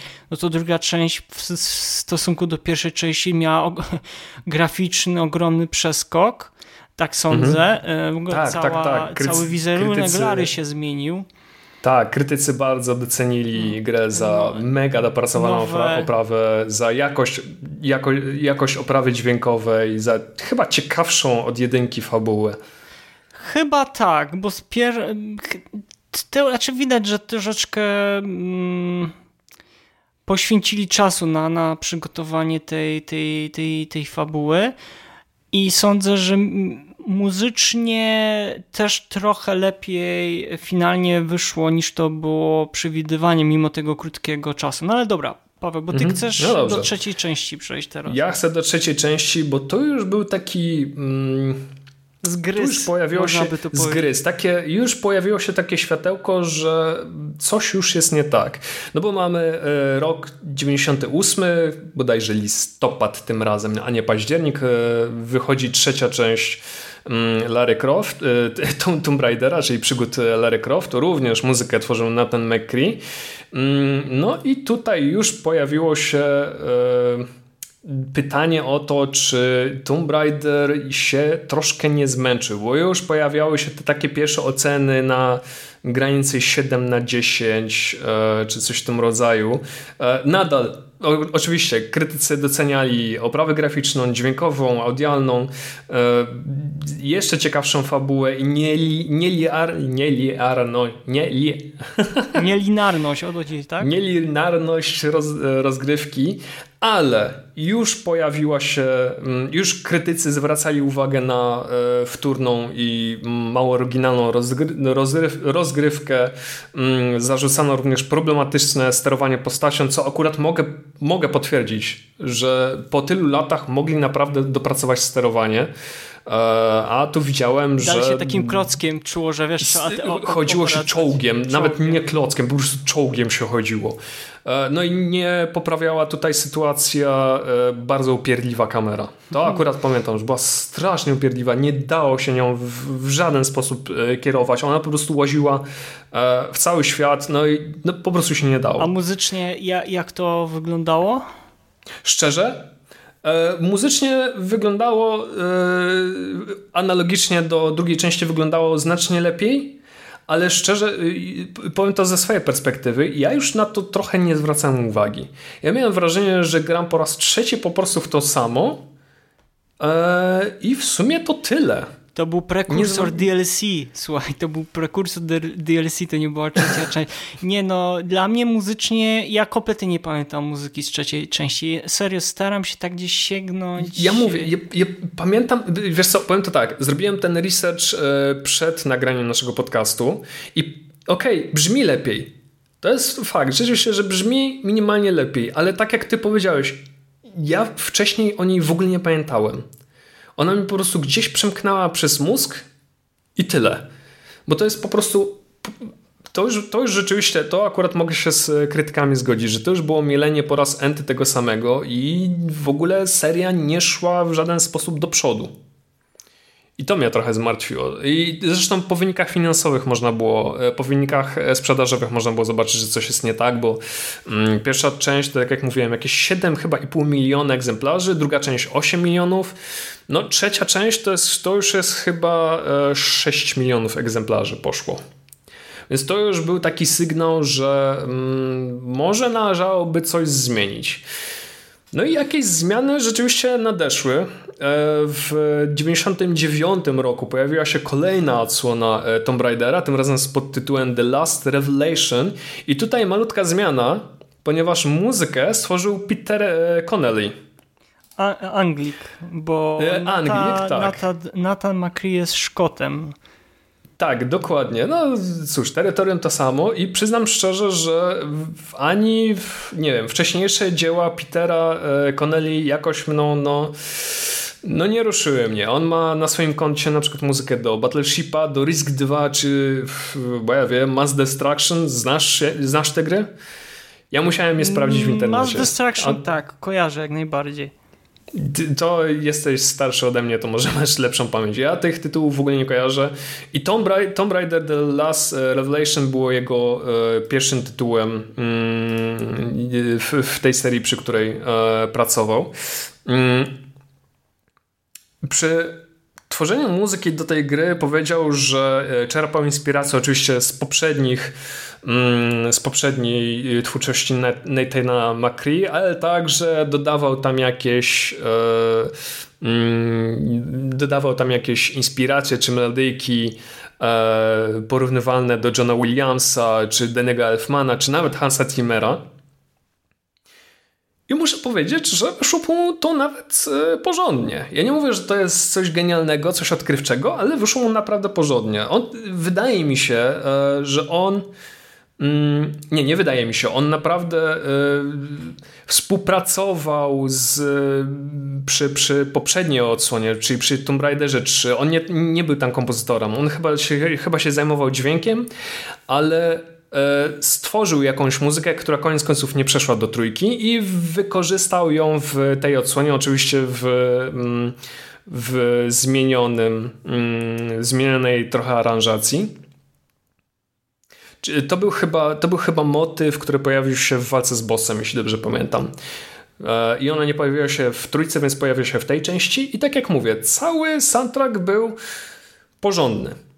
To nie było nic jakiegoś takiego bardzo odkrywczego, ale to było naprawdę solidna robota i tu mogę mu postawić, no nie wiem, ocenę czwórkę może, może 3 plus, no duno, nie wiem, tak, tak mógłbym powiedzieć. Ale no cóż, powiem to tak, nic by mu to nie dało tak naprawdę, ponieważ The Last uh, Revelation sprzedało się łącznie 4 miliony egzemplarzy. Uh, została troszkę zgnojona przez e, recenzentów. Troszkę zgnojona. Już widać było tak te recenzje i te oceny. Delikatnie mówiąc. Ja pamiętam, że wyszła również wersja na Dreamcasta i chyba ta wersja była najbardziej gnojona przez wszystkich recenzentów. O ile wersja PC-towa i na PlayStation ok, tak wersja na Dreamcasta, no coś ewidentnie poszło nie tak. Coś ewidentnie poszło nie tak przy portowaniu i to było po prostu i widać i chyba również też słychać. Tak czy inaczej, no, w, moim, w moim odczuciu e, jako, jako gracza, jako człowieka, który miał do czynienia z The Last Revelation, ona tak przeszła troszkę bez echa. Troszkę bez, przez echa, ale troszkę e, e, ze swojej własnej winy. Znowu, e, Produkcja trwała bardzo krótko. E, zmienione zostało chyba połowa zespołu, w tym również kompozytor. On też miał też niewiele czasu na zrobienie czegokolwiek. Tak jak powiedziałem, wykorzystał parę mm, kawałków, które e, chciał, stworzy- chciał wykorzystać w trzeciej części i to się nie udało, więc no cóż, wrzucił ją po prostu do tej gry i tak wyglądała produkcja po prostu kolejnej części e, Tomb Raidera i to jest trochę smutne. To jest trochę niepokojące. No. Tu już był ten sygnał, że y, coś z tą serią jest nie tak. Próbowano złą stronę, jakoś... że w złą, w złą stronę podąża. Złą, w bardzo złą stronę to, w bardzo złą stron, stronę to idzie. Jeśli tamta część była e, niezauważalna, no to już fani myśleli, ok, e, może należało dać trochę więcej czasu i trochę przedefiniować e, e całą serię, może zrobić coś od nowa, nie, po prostu nie. Eidos powiedziało nie. Core Design znowu zakasało rękawy. I rok później, pod koniec listopada 2000, 2000, tak, 2000 e, roku pojawił się Tomb Raider Chronicles, gdzie akcja toczy się po uroczystościach pogrzebowych Lara Croft, ponieważ w poprzedniej części, e, mały spoiler, e, Lara Croft została uznana za zmarłą. E, w tej części jej przyjaciele, jej koledzy, no nie wiem jak to, jak to nazwać, wspominają Larę, jak, jak sobie radziła, jakie miała przygody. Również muzykę stworzył mm, Peter Connelly. I ja o tej grze już w zasadzie nie pamiętam nic. Ja autentycznie pamięci, nie pamięci dla ja mam jedną ja mam jedną wielką dziurę e, w pamięci. Podobnie e, Connelly tutaj również wykorzystywał jakieś swoje utwory, które kiedyś tam stworzył e, i po prostu ją wrzucił do gry i już ewidentnie było widać, że nikt nie ma serca do, do, tej, do tej serii. Chyba jedyne, co mogę powiedzieć o tej muzyce, to to, że była troszkę bardziej mroczna. Chyba to jest jedyna, jedyna różnica e, w porównaniu z poprzednimi odsłonami, że Peter Connelly stworzył troszkę mroczniejszy e, soundtrack, trochę mm, no nie wiem, spokojniejszy, ale to chyba ma związek z, z, z, z główną fabułą, czyli z tym, że no cóż, Lara Croft nie żyje i po prostu trzeba wspomnieć o tym, e, jak, jak trzeba po prostu wspomnieć zmarłą, ale no, to jest tak naprawdę jedna bardzo drobniutka zmiana w porównaniu z poprzednimi odsłonami. No i zauważyli to i gracze, i recenzenci. Gra no, dostawała bardzo średnie oceny. To już była naprawdę średnia gra. Natomiast jeśli chodzi o dane sprzedażowe, no to już można powiedzieć, że nie było średnio, no to już było szorowanie po, po, po dnie. To już chyba sprzedało się nieco powyżej miliona egzemplarzy, co jest po prostu śmieszny wynik e, w porównaniu z, z mm, poprzednimi odsłonami. I w końcu myśl, i w końcu chyba zauważono w końcu ten problem. Po kilku latach zauważono, że coś jest nie tak. I kolejna odsłona powstawała e, nie przez rok, ale przez kilka lat. E, ale tu e, ten proces produkcyjny, o tym procesie produkcyjnym powiem może kiedy indziej, może przy okazji jakiejś innej, innej okazji, ale tutaj też odbywały się różne cyrki. Niemniej jednak kolejna odsłona Tomb Raider The Angel of Darkness pojawił się na rynku e, w połowie 2003 roku i powiem to tak, na papierze wyglądało to dobrze. E, mm, klasyczny Tomb Raider miał zostać troszkę odstawiony e, na bok. Oczywiście dalej mm, Lara Croft miała zwiedzać świątynię, miała skakać, fruwać, spinać się i w ogóle czego tam miała, nie robić, ale E, po pierwsze, miały tam e, zostać dorzucone jakieś elementy RPG, wiesz, rozmowa z NPC-ami różnymi porozsianymi po, po, po, po planszach. W ogóle świat miał być taki semi-otwarty, czyli mogłeś po prostu mm, chodzić na przykład po mieście i rozmawiać właśnie z NPC-ami. Były również jakieś elementy skradankowe. No, generalnie na papierze wyglądało to dobrze. Gorzej e, było z praktyką, bo okazało się, że e, skrytykowano właśnie te elementy mm, RPG, e, CRPG, CRPG skrytykowano grę za niską inteligencję przeciwników, za fabułę, która w ogóle była miszmaszem wszystkiego i nie miała najmniejszego sensu.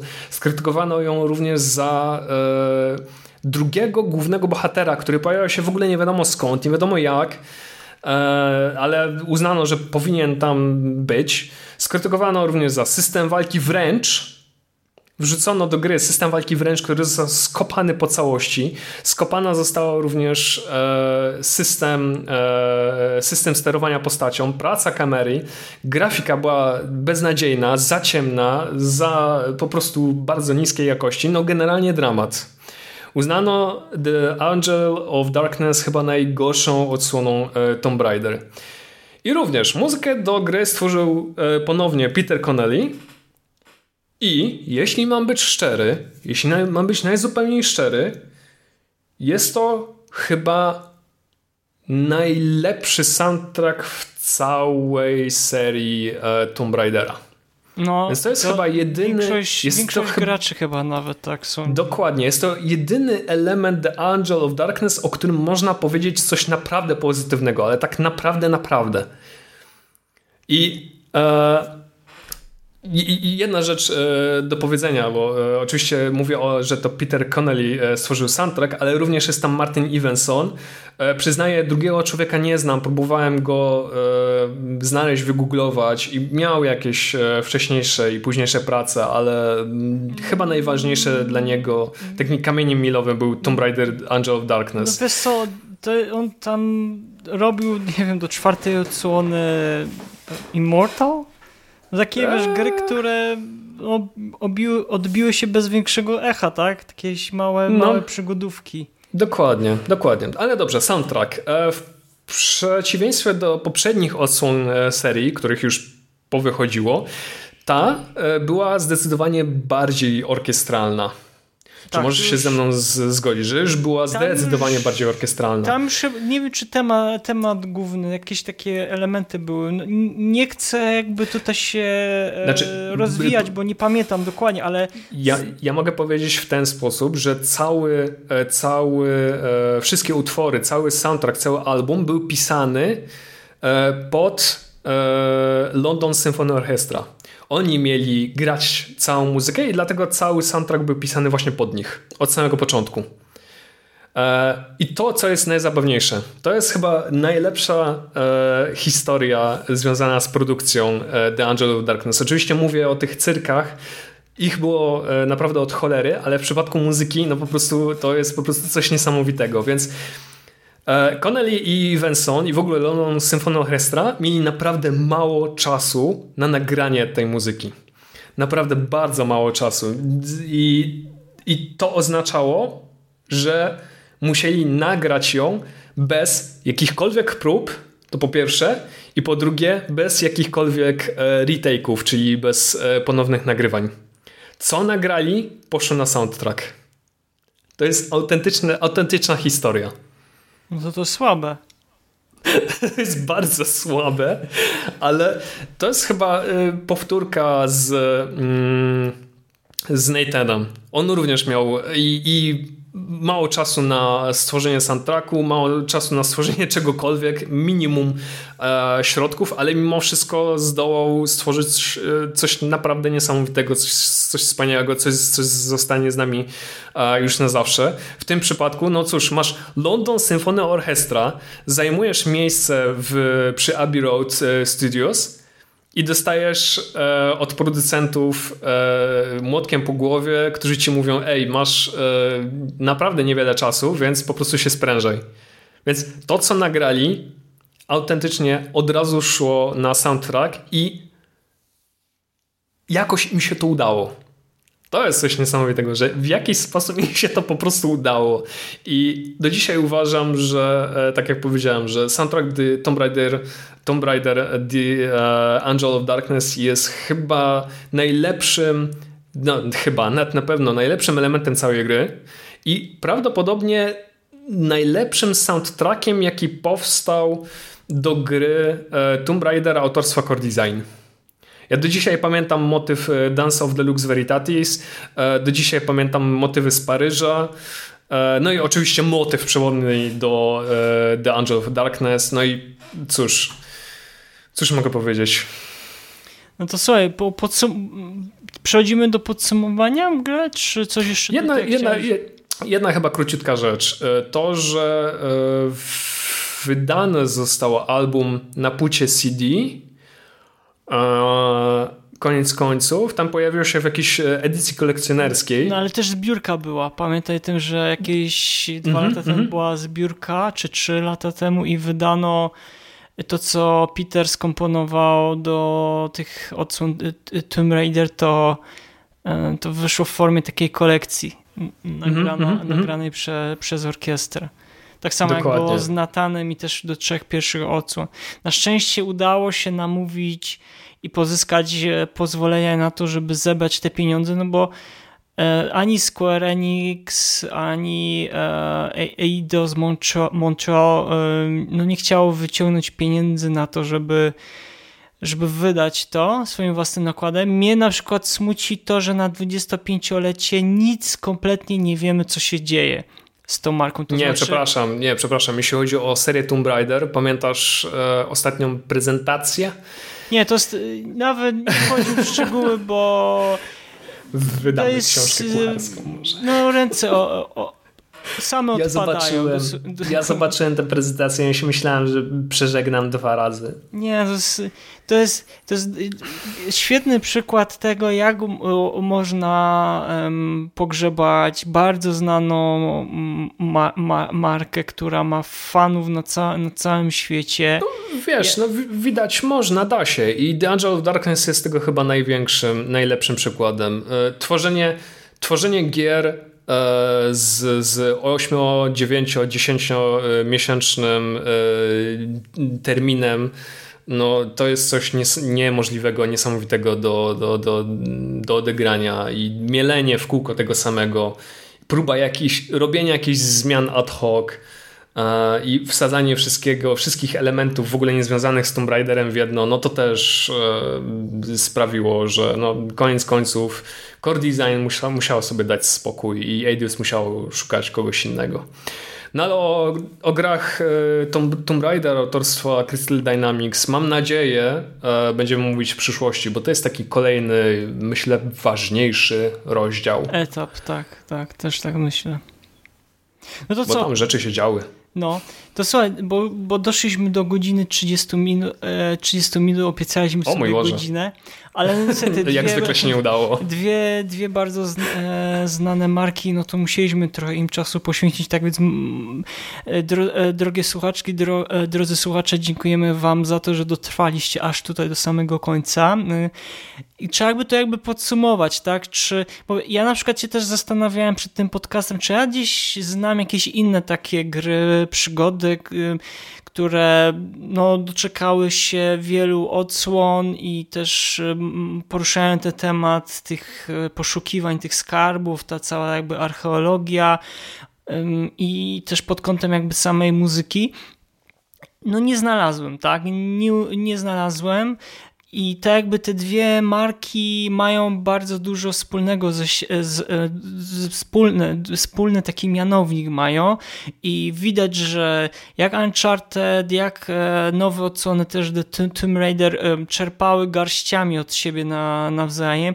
Sądzę, że bardziej Tomb Raider w pewnym momencie zaczął pewne dobre elementy kopiować z Uncharted i słusznie, i bo trzeba właśnie, potrzebna jest konkurencja, bo to dzięki temu rozwijamy się dalej, a jeżeli mamy jeżeli jesteśmy tylko jedynym graczem na rynku i, i, tylko taką, taki gatunek tworzymy, no to nie jesteśmy w stanie się później jakby rozwijać, nie mamy jakby takiej potrzeby, żeby gdzieś tam o jeden krok dalej pójść.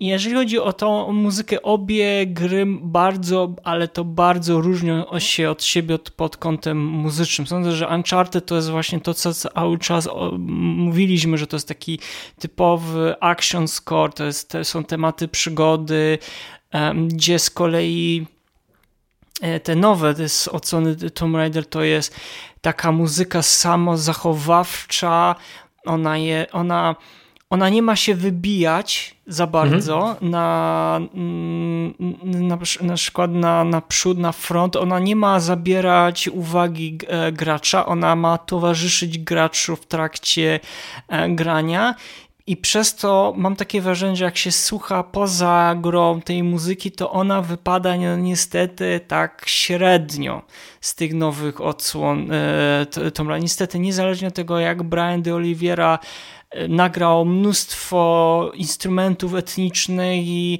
e, mnoga ilość tam jakichś instru, e, e, instrumentarium. No, ona, ta muzyka kompletnie no, nie wybija się poza szereg, nie, no nie, nie umie do niej jakoś specjalnie wracać, gdzie z kolei Uncharted, no to no jest ta film, filmowość, miło się tego czasami słucha, a najlepiej tego się da słuchać poza samą grą. Ale to już jest, sądzę, że już jest kwestia gustu i kto jakim jest fanem. Tak więc właśnie, to chciałem, właśnie to chciałem powiedzieć dosłownie to, co ty powiedziałeś, czyli jeśli chodzi o muzykę Tomb Raidera, zdecydowanie lepiej słucha się tego w grze, gdzie mamy większą zdecydowanie imersję. Poza grą Jakoś trudno mi e, wyobrazić e, sobie te wszystkie klimaty, te wszystkie komnaty, pałace, grobowce i tak dalej, po których e, Lara chodzi. Chyba z małą różnicą, czyli The Angel of Darkness, ale no musielibyście zagrać w grę, żeby zrozumieć dlaczego. Dlaczego uważam, że lepiej słuchać samą muzykę poza grą. I to, co powiedziałeś w przypadku Uncharted, że rzeczywiście yy, ona pasuje rzeczywiście, z, z, rzeczywiście do gry, ta muzyka, ale myślę, że lepiej e, słucha się poza, bo mimo wszystko w przypadku Uncharted skupiasz się na akcji, na tym, co się dzieje na ekranie i na tej muzyce to tak no niespecjalnie możesz, bo no cóż, jesteś atakowany przez zupełnie inne bodźce. To Chyba co, tyle takim pozytywnym akcentem możemy z, e, panie kierowniku dzisiaj zakończyć podcast. Dokładnie, tak. Mieliśmy zakończyć po godzinie, nie udało się, przepraszamy z góry za to. Ale no, no cóż, nie dało się. No po prostu się nie dało. Dwie no, nasze ulubione serie, no musi, Dwie nasze ulubione serie to był pogadać. wielki błąd. To był wielki błąd, że to zrobiliśmy.